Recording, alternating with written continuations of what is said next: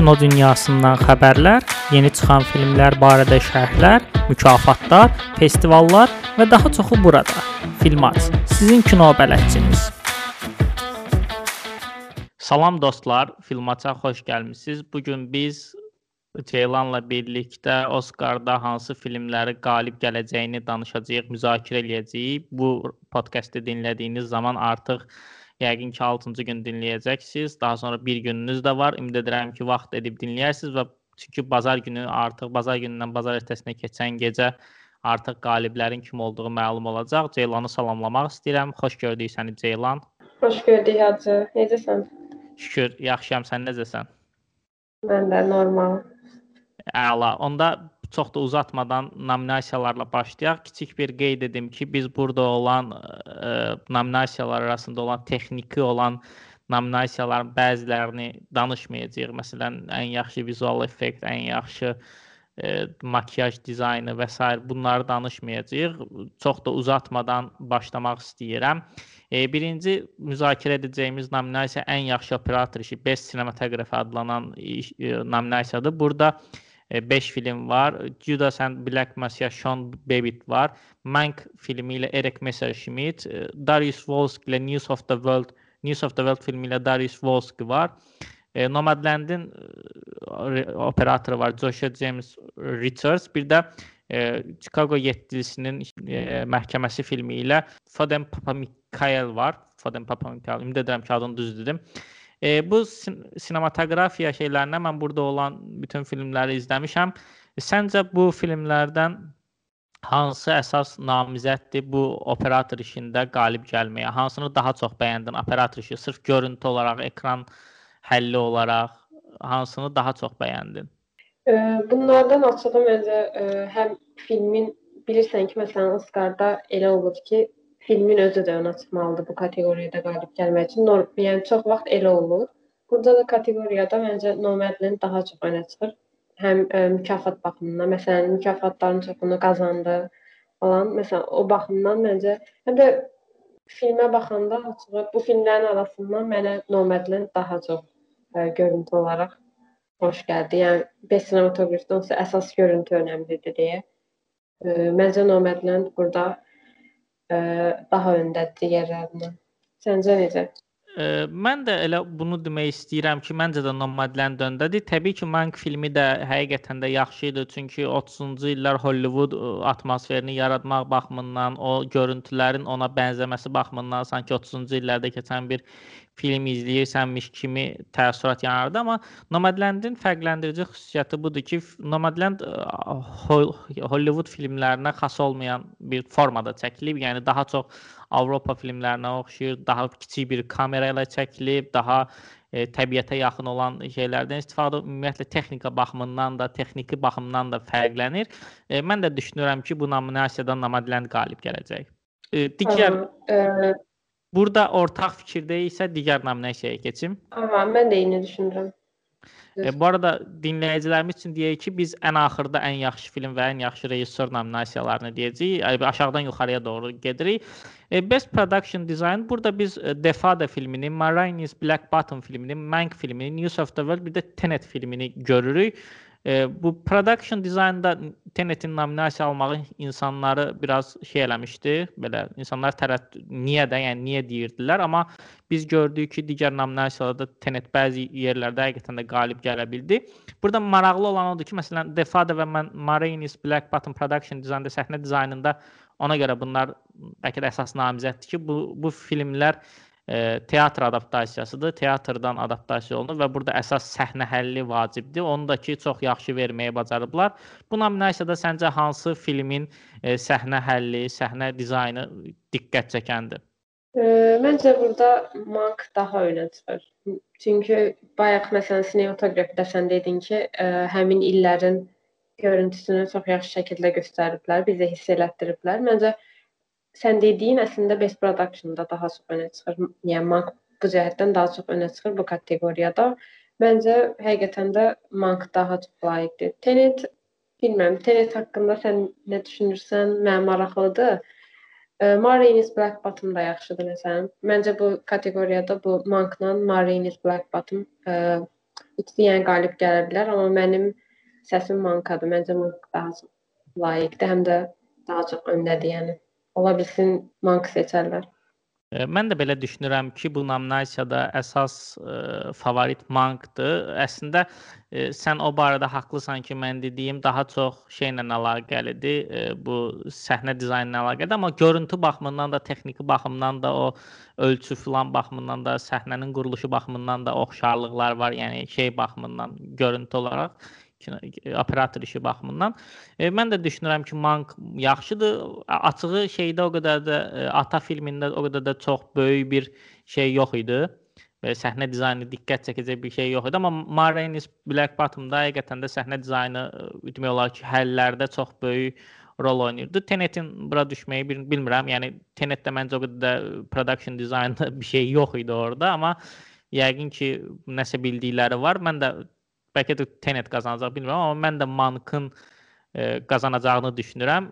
Bəlkə də e, şeydə e, danışacağımız nominasiyalar arasında qalibin əvvəlcədən müəyyən olunduğu bir neçə nominasiya varsa onlardan birindən danışaq indi. Ən yaxşı sound, yəni filmin ən yaxşı musiqisi yox da, mus ən yaxşı səs, səs miksajı olan e, nominasiya. Burada Greyhound filmi var, Mank var, News of the World var, Soul var və Sound of Metal var. Bu nominasiya məncə çox ikonik bir qalibiyyət olacaq Sound of Metal təbii ki qazanarsa, çünki belə düşünürəm ki, Sound of Metal mövzu baxımından eşitməyən bir insanın hekayəsidir, amma səs miksajı elə edilib ki, sən film bitdiyi zaman artıq sən də kar ola biləcəyini və bunu artıq qəbul edə biləcəyini düşünürsən. Həqiqətən də səs miksajı, o bütün o hisslərin ötürülməsi səslə çox mükəmməl bir şəkildə verilib. Sən bu nominasiyada nə düşünürsən? E, bu Best Song nominasiyası bu iki, yəni mənə ən asan gələn iki nominasiyadan biridir. E, digər filmləri hörmətsizlik kimi olmasın, amma Sound of Metal məncə çox-çox önə çıxır burada. Çünki həm e, sən dediyin kimi o getdikcə yəni kar olan səs eşitmə qabiliyyətini itirən bir insanın ə, nələr hiss elədiyini, necə eşitdiyini çox yaxşı şəkildə çatdırmışdı mənə, izləyicilərə həm də. Məncə o baxımdan Bessonda həqiqətən önə çıxır. Yəni bunun önünə çıxa bilən məncə film olmayacaq. Ona görə ən sadə e, bu ilki, yəni sırf bu il ən sadə namizədlərdən biridir mənə görə. Bəlli olur ki, Sound of Metal qalib gələcək. Hətta o dərəcə yəni 100% 100% olmasa da 99% əmin ola bilərsən ki, of Metal götürəcəksən. Əla. Hələlik bizim təxminlərimiz eyni gedir. Məncə təxminlərimizin dəyişəcəyi yerlərə doğru gəlməyə başlayırıq. Ə, növbəti nominasiya ən yaxşı musiqi mahnı daha doğrusu Best Original Song ən yaxşı mahnı nominasiyasıdır. Burada cüda sən Black Messiah filmindən Fight for You var. The Trial of Chicago 7-dan uh, Hear My Voice var. Eurovision Song Contest The Story of Fire Saga filmindən Husavik var. The Life I, I Hate The Life Hate filmindən IOC var. Bir də One Night in Manam'dan Speak Now var. Açığı bu nominasiya üzrə mənim heç bir fikrim yoxdur, amma burada bəlkə də qalib ola biləcək nominasiya məncə şey ola bilər. Chicago yetkilisinin məhkəməsindən Hear My Voice ola bilər. Çünki həm bir şey belə bir altında yatan bir siyasi bir şey də var, həm də maraqlıdır. Yəni şeyin Amerikanın bu gündəmində olan bir şeydir bu. Sən bu nominasiya üzrə nə düşünürsən? Bax, burada fikirlərimiz ayrılır. Mən e, burada əsas iki nominasiya nominant görürəm ki, qalib gələ bilər. Biri e, Avroviziyanın filmi var idi. Həmin filmdəki e, musiqi var. O ola bilsin qalib gələ bilər, amma mən e, Mənə elə gəlir ki, One Night in Miami filmindəki filmindəki Speak Now qalib gələ bilər.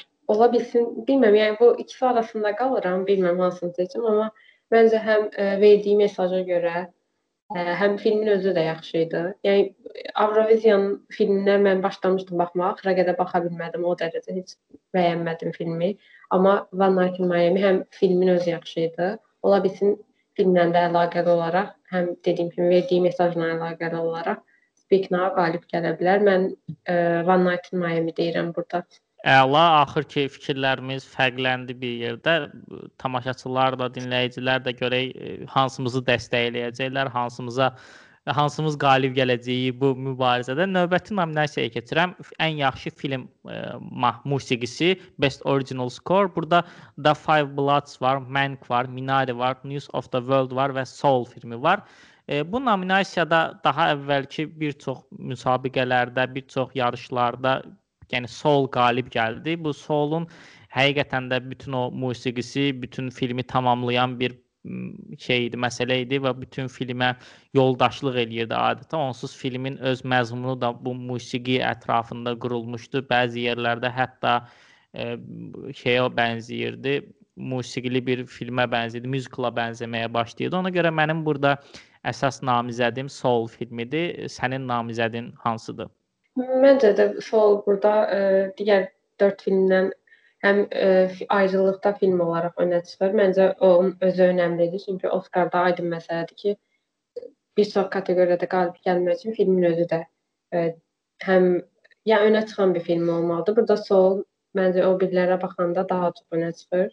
Ona görə mənim də ə, səsim Soul-adır. Məncə o qalib gələcək.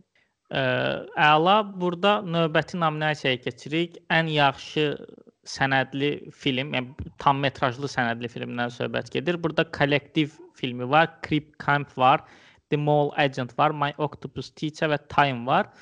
E, bu filmləri mən izləmişdim.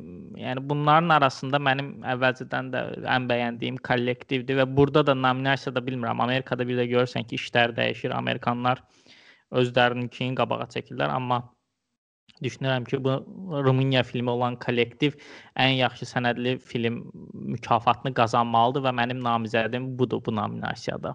Ə, mən də əslində filmlərin arasından, sənədli filmlərin arasında kollektiv mənim ən ə, sən demişdin mənə buna ki, mütləq baxmalısan. Mən baxdım, həqiqətən çox təsir eləmişdi. Yəni məncə qalib gəlməli olan odur. Əslində mənim səsim də onadır. Qalib gəlsə də, gəlməsə də fikirləşirəm ki, Amma bir tərəfdən də My Octopus Teacher filmi sürpriz ola bilər. Yəni ola bilsin ki, o da qalib gələ bilər. Həm ə, e, biz deyil əslində, amma məncə kollektiv qalib gələr yəqin ki. Ümid eləyirəm yəni seçərlər onu. Sən dediyin kimi özlərininkini götürüb seçməzlər hər halda. Ə, e, səsim kollektivədir. Ümid eləyirəm qalib. Həm istəyirəm, həm də səsim onadır. Əla, mən də ümid edirəm ki, qalib kollektiv olar. E, ən maraqlı nominasiyalardan birinə gəlib çıxırıq. Söhbət e, ən yaxşı xarici film, beynəlxalq film nominasiyasıdır. Burada Another Round var, Better Days var, Collective var, e, The Man Who Sold His Skin var və Quo Vadis Aida filmi var. E, mənim buradakı əsas namizədim, hətta 2020-ci ildə ən yaxşı filmlər arasında ikinci yerə qoyduğum Another Round filmidir. Another Round filmi haqqında mən belə düşünürəm ki, e, kaş ki pandemiya vaxtına düşməyəydi. Çünki həm çox izləməsi çox əyləncəli bir filmdir, həm insanın daxilində olan o bütün tərəddüdləri, bütün o problemləri bütün o yaşadığı sıxıntıları verə bilir, həm də e, izləməyi də zövqlüdür və həqiqətən də izlədiyin zaman e, yeni bir baxış bucağı qazana bilərsən. Ona görə mənim bu nominasiyada favoritim və qalib gəlməyini düşündüyüm film budur ki, Thomas Winterbergin Another Round filmini favorit görürəm. Sən necə düşünürsən? E, düzdür, mən də bu filmlər arasında həm ən sevdiyim aralarında Another Round oldu.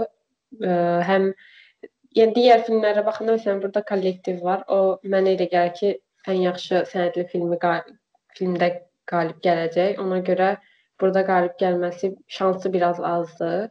E, digər filmlərə də baxsan, yəni Another Round 100% mənə elə gəlir ki, Another Round qalib gələr. Həm e, çox bəyənilmişdi kritiklər tərəfindən, həm izləyicilər tərəfindən bəyənilmişdi. Həm də ki, Thomas Winterberg-də, yəni Adamın adı sanı var, hər halda qalib gələr. Burada bir də e, Minari filminin məncə Minari burada olsaydı ikisi arasında e, gəlib gedə bilərdi, amma Another Round tək olduğuna görə, yəni Minari burada olmadığına görə məncə 99% qalib elə Another Round-dur. Mənim də səsim onadır. Mən Another Round-un Another Round bir qırağa. Yəni Minari olmamağı əslində qalsa məntiqlidir, çünki Amerika Amerikalı bir rejissor çəkib, düzdür, Koreya dilində olsa belə Amerikalıdır. Digər nominasiyaya keçək. Ən yaxşı Best Animated Feature Film, ən yaxşı animasiya filmi e, tam metrajlı filmlərdən söhbət gedir təbii ki. Biz qısa metrajlıları danışmırıq. Onward filmi var, Over the Moon var, A Shaun the Sheep movie, Farmageddon var, Soul var və Wolf Walkers var. E, burada iki əsas namizəd var qabağa çıxan Wolf Walkers və Soul. Bütün il boyu ərzində, il ərzində də bu filmlərin e, qabağa çıxdığını, bəyənildiyini gördük və insanlar da bu filmləri tərifləyirdi, tənqidçilər də tərifləyirdi, amma e, düşünmürəm ki, burada Pixarın rəqibi olar və burada böyük ehtimalla Soul filmi qalib gələcək və Soul e, daha bir nominasiyada qalib gələrək Oscarın Oscarı götürəcək. Mənim burada əsas namizədim Soul-dur. Səndə bəs necədir? Bayaq mən dedim ki, iki ə, e, kateqoriya var ki, orada mən 100% ə, e, yəni çox asan şəkildə bilirəm ki, bil bilirəm yox, daha doğrusu 99% həmin filmlərin qalib gələcəyini düşünürəm. Ona görə sadə kateqoriyalardan biridir. Bu da Best Animated Feature filmdə mənə görə ən sadələrdən biridir. Çünki hər il fikir versən, Oscarda animasiyalarda ən önə çıxan ən azı 2 film olur və onlardan biri daha çox önə çıxır. Burada da məncə Soul Wolf Walkers-dan daha öndədir. Həm dediyim kimi, e, yəni çox bəyənildi. Fikir versən görərsən ki, kritiklər tərəfindən inanılmaz dərəcədə bəyənilibdi. Ona görə məncə akademiyada da ona daha çox yer verərlər, səs verərlər. Səsim soladı. Əla, bu mövzunu da danışdığımıza görə bizim daha bir fikir ayrılığı yaşayacağımız məncə nominasiyaya gəlirik. Söhbət e, ən yaxşı adaptasiya olunmuş ə, e, ssenaridən gedir. Burada Borat Subsequent Movie film var, Defa da var, Nomadland var, One Night in Miami var və və The White Tiger var. E, burada əslində qalsa bu filmləri həqiqətən də belə düşündüyümüz zaman yəni hər hansı hansısa biri qalib gəlsə demərəm ki, bu film niyə qalib gəldi və ya niyə qalib gəlmədi, amma məncə burada müəyyən mənada siyasi məsələlərdən, bir müəyyən mənada şey məsələlərdən bir şeyə də bunlara da bir mükafat verək şeyi ilə One Night in Miami məncə qalib gələ bilər. Ən yaxşı adaptasiya olunmuş e, ssenarilərdə. Sən necə düşünürsən? Sən qalibi kim olacağını düşünürsən? E, bu kateqoriya ən çətinlik çəkdiyim kateqoriyadır. Hər il bu kateqoriyaya baxanda fikirləşirəm ki, nəyə görə seçirlərdi? Yəni bunu mənə maraqlı gəlir. Bu ildə belə filmlərə baxıram. Bilmirəm, bəlkə də sən dediyin kimi One Night in Miami gəlin bunlara birini verək adı ilə qalib gələ bilərlər. Əslində filmi bəyənmişdim. Pis film deyildi, amma sırf adapted screenplay baxımından bilmirəm. Mənə elə gəlir ki, burada da Nomadland ya da The Father. Məncə The Father deyəcəm. Çünki e, biraz e, ssenari gəli ssenari idi. Yəni görə bilərdin ki, məsələn, gəl get-gəllər var idi məsələn. Biz e, həmin auraya girmişdi də, yəni necə deyim, əsas personajın nə hiss elədiyini bizə çox yaxşı şəkildə çatdırılmışdı. Biraz ssenari həqiqətən qəliz idi. O baxımdan fikirləşirəm ki, yəqin bunu adapt etmək biraz qəliz olardı. O baxımdan yəni belə düşünə bilirəm. Başqa düşünə bilmirəm ki, nəyə görə hansına versinlər. Ona görə biraz çətin olsa da Father deyirəm burada.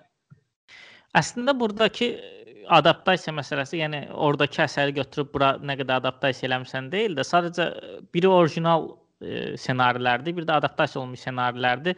İki, iki növ film olur da, ya bunu hansısa bir oyundan, hansısa bir e, əsərdən götürüb adaptasiya edirlər və ya orijinal sıfırdan yazırlar. Burada da hansısa bir əsərdən götürüb e, adaptasiya edənlər arasında bunları seçiblər.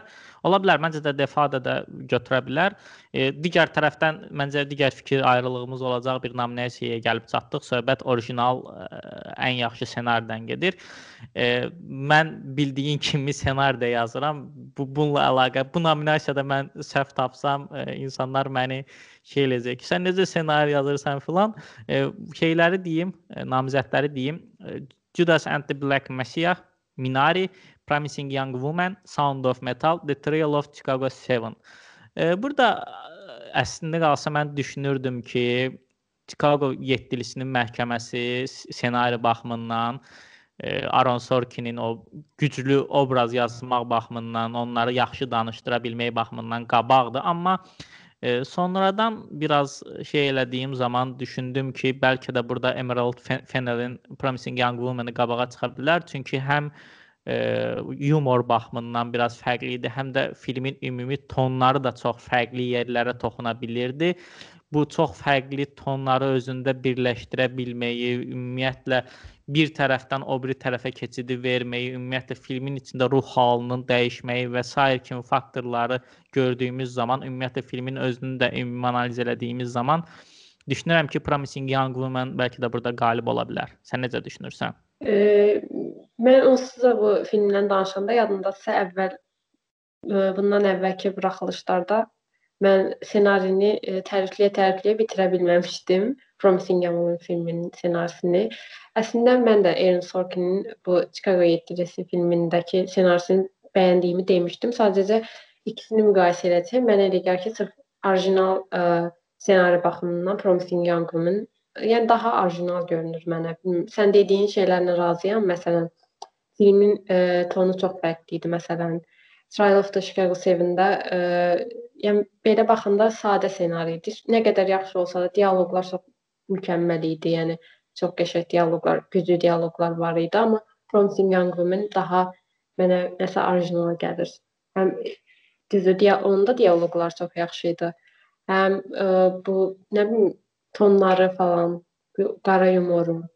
Hə, hamısı yəni məncə ssenari daha önə çıxırdı burada. Ona görə sürpriz sürpriz yox əslində ola yəni Trial of the Chicago 7-də qalib gəlsə, yəni Air Sorting-də qalib gəlsə, mən deməyəcəm ki, "Wow, necə oldu" falan, amma məncə burada Promising Young Woman qalib gəlmə şansı var. Mən də səsimi ona verirəm. Əla, növbəti nominasiyaya keçirik. Söhbət ə, e, ən yaxşı köməkçi aktrisa nominasiyasındadır. Burada Maria Bakalova var, Borat Subsequent Movie Film filmi ilə, ə, e, Glenn Close var Hillbilly Elegy ilə, Defada filmindəki rolu ilə Olivia Colman var, Mank filmindəki obrazı ilə Amanda Seyfried var və Minari-dəki rolu ilə Yun Yuh Jung, ümid edirəm ki, adını düz tələffüz edirəm. Minari filmindəki nənə obrazıdır bu. Yuh, Yun Yuh Jung obrazı var. Mən burada açığı məndən olsa, mən Amanda Seyfriedə verərəm, amma yəqin ki, Minari filmindəki nənə obrazına ən yaxşı köməkçi aktrisa nominasiyasında qalib gələcək. Ona bu nominasiyada qalib gələcəyini düşünürəm və düşünürəm ki, o digərlərindən fərqlənəcək. Həm də ümumi hekayə xəttinə də təsiri digərlərinə baxanda biraz daha çox idi. Sən necə düşünürsən? Açıq mənim də Minardakı o nənə obrazı çox xoşuma gəlmişdi. E, ümid edirəm ki, o qalib gələr. Belə baxanda Olivia Colman da çox bəyənmişdim filmdə. Glenn Close e, bilmirəm. Yəni filmin özü çox bəyənilməmişdi. Mənim elə yadıma gəlir. Həm çox e, digər kateqoriyalarda da namizəddir. Sadəcə mənə elə gəlir ki, təkcə bunda namizəddir, səhv eləmirəmsə. Ona görə düşünmürəm ki, Glenn Close-un burada şansı var. Məncə ya ya ola bilsin Olivia Colman, Amanda Seyfried və Minardakı adını tələffüz edə bilmədiyim nənə obrazı qalib gələr. Amma məncə ara arasında ya həm istədiyim, həm də qalib gələcəyini düşündüyüm Minaredəki ə, ikinci supporting actress məncə Minardakı qalib gələr. Adını deyə bilməyəcəm amma onu həm səsim onadı, həm də istəyirəm ki, çox istəyirəm ki, o qalib gəlsin. Yun Yuh Jung adı belə gedir. Onda keçirik ə, e, ən yaxşı aktyor, ən yaxşı köməkçi aktyor nominasiyasına. Burada ə, e, The Thrill of Chicago 7-dəki rol, rolu ilə Sasha Baron Cohen var. Judas and the Black Messiah'la Daniel Kaluuya var. One Night in Miami'dəki Leslie Odom Jr. var. Sound of Metal'dakı E, rolu ilə Paul Rudd var və Judas and Black Messiah filmindəki rol e, Lakeith Stanfield var. Məncə burada iki əsas namizəd var. Biri Sasha Baron Cohen-dir, digəri isə Daniel Kaluuya-dır. Sasha Baron Cohen ilin əvvəlində daha belə qabaqda idi, amma Daniel Kaluuya-nın filmi artıq nümayiş olunmağa başlayandan sonra Daniel Kaluuya daha qabağa keçdi. E, məncə burada Daniel Kaluuya qalib gələcək. Çünki bu Judas and Black Messiah-da düşünəcəklər ki, bir şey verək. Sən necə düşünürsən? E, məncə burada əsas e, iki namizəd var. Yəni iki ikisi daha çox önə çıxır. Sasha Baron Cohen yox, məncə Daniel Kaluuya ilə e, Leslie Odom Jr. məncə o daha çox önə çıxır. One Night in Miami filmindəki e, Sam Cooke rolundaydı. Ya, həqiqətən yaxşı canlandırmışdı. Bilmirəm, ola bilsin ki, e, ən az şansı olan məncə Lake Stein Stanfield-dir, Judas and the Black Messiah filmindən. Amma qalanları yəni olsa mənim üçün sürpriz olmayacaq. E, məncə ikisi arasında gəlib gedirəm. Daniel Kaluuya, Leslie Odom. Amma məncə Daniel Kaluuya yəni 90% götürər. Deməli burada da bizim fikrimiz eynidir. Maraqlıdır. İndi əsas nominasiyalara çatırıq. Söhbət ən yaxşı aktrisadan gedir. Burada Viola Davis var, Andre Day var, Vanessa Kirby var, Frances McDormand var və Kerry Mulligan var.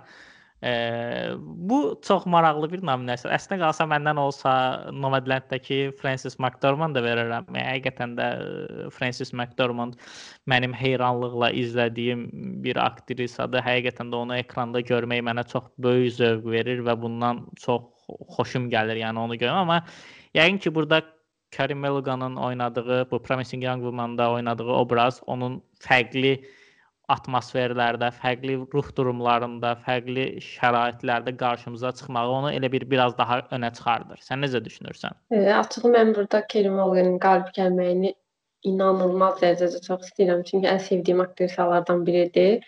Amma burada iki başqa iki aktrisa var ki, onlar da mənim ən sevdiyim aktrisalar siyahısındadır. Biri sən yəqin ki bilirsən, Frances McDormanddır, digəri də Viola Davisdir. Bu ikisi, bu üçü daha doğrusu mənim ən sevdiyim aktrisalardandır. Ona görə ə, amma düşünürəm ki, Vanessa Kirby, bir də Andra Day, yəni Andra Day-in canlandırdığı personaj onsuz da məşhur ə, yəni həm necə deyim, yəni filmin özü nə qədər ə, önə çıxmasa da Oskarda biz görürük ki, məsələn, bioqrafik filmlər biraz önə çıxa bilər bu aktyor, aktrisa məsələsində ən yaxşı ən yaxşıdan söhbət gedir. Amma düşünmürəm ki, burada Andradeyi götürər. Məncə mən istəyirəm ki, Mulligan götürsün, onu da qalib gəl. Bilmirəm.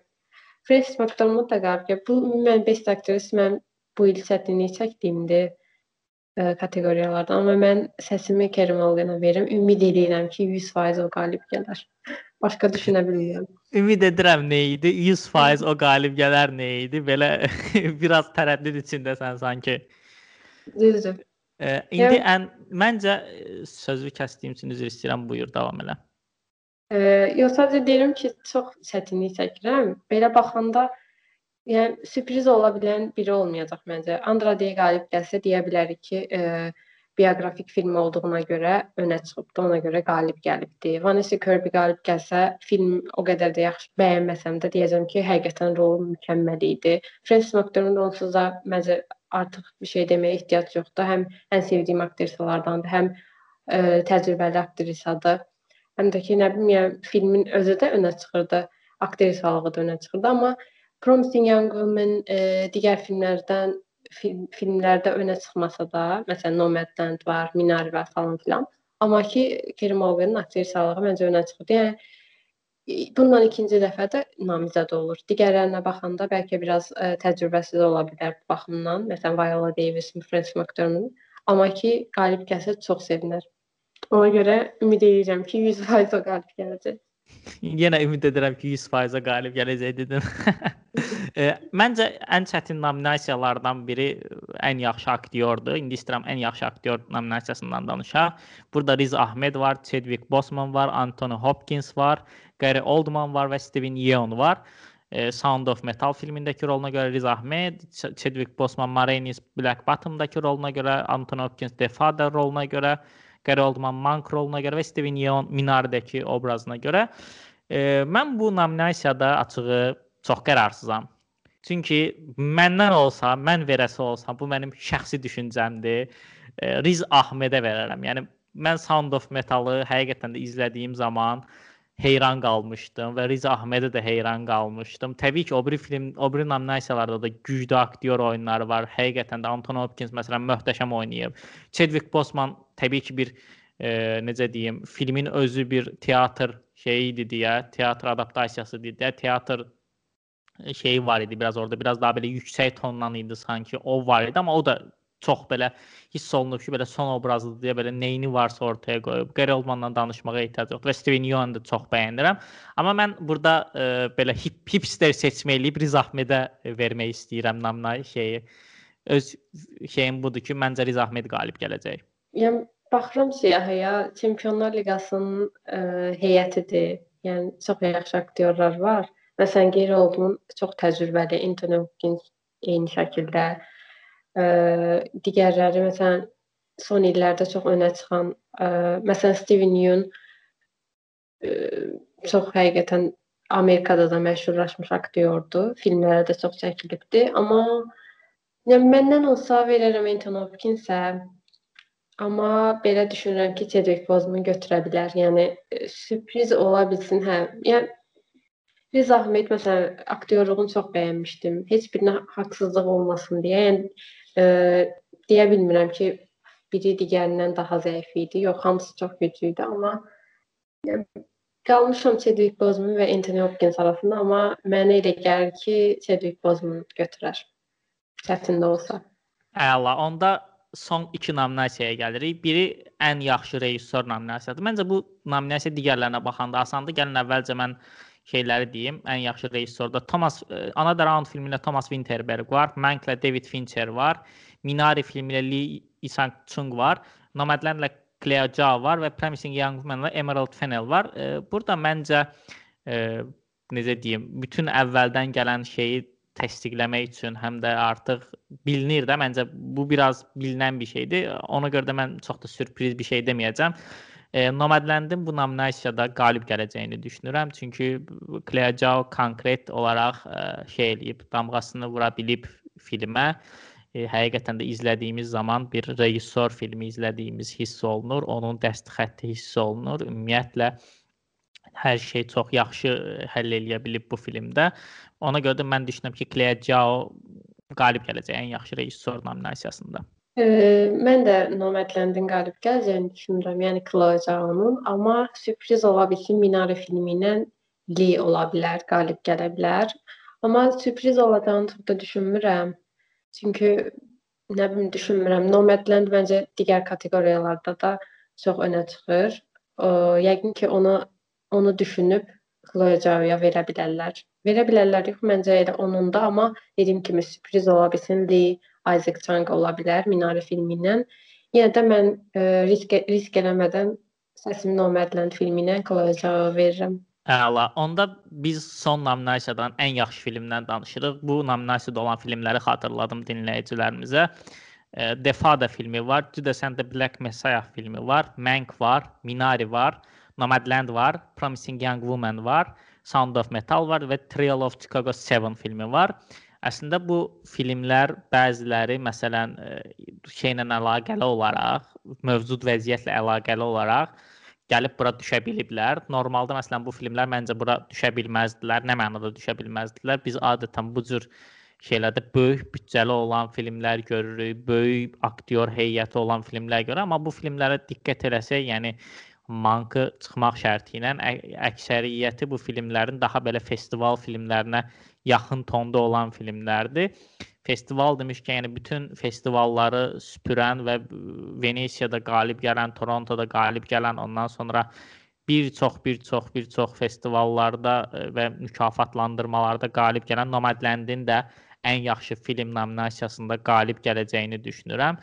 Bir tərəfdən digər filmlər üçün, məsələn, Sound of Metal üçün, Promising Young Woman üçün üzülürəm ki, və təbii ki, Mank filmi üçün üzülürəm ki, bu filmlər qalib gələ bilməyəcək, amma digər tərəfdən belə düşünürəm ki, Nomadlandin qalib gəlməyi həm də ona görə yaxşıdır ki, insanlar biraz a bu nə filmdir, qoy bir dənə buna baxım deyib fərqli bir film izləyərlər. Həqiqətən də ə, Hollywoodda görməyə öyrəşmədiyimiz tərzdə olan bir filmdir.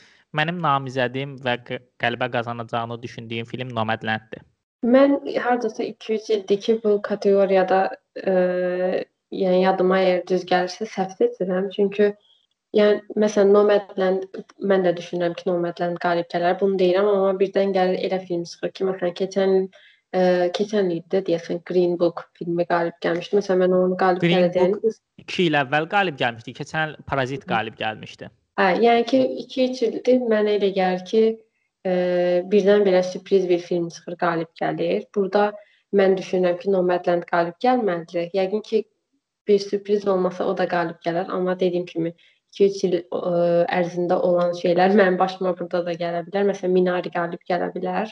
Əslində bunların arasından seçməli olsam, e, məsələn 3 film seçsəm əgər, Mank, Nomadland, bir də ə, Sound of Metal filmini seçərdim ya da Promising Young. Nəsə çox hamısı yaxşı filmlərdir əslində, amma nəsə ürəyim deyir ki, Nomadland qalib gələcək, amma belə beyinlə düşünəndə Minarində qalib gələcəyini düşünə bilirəm.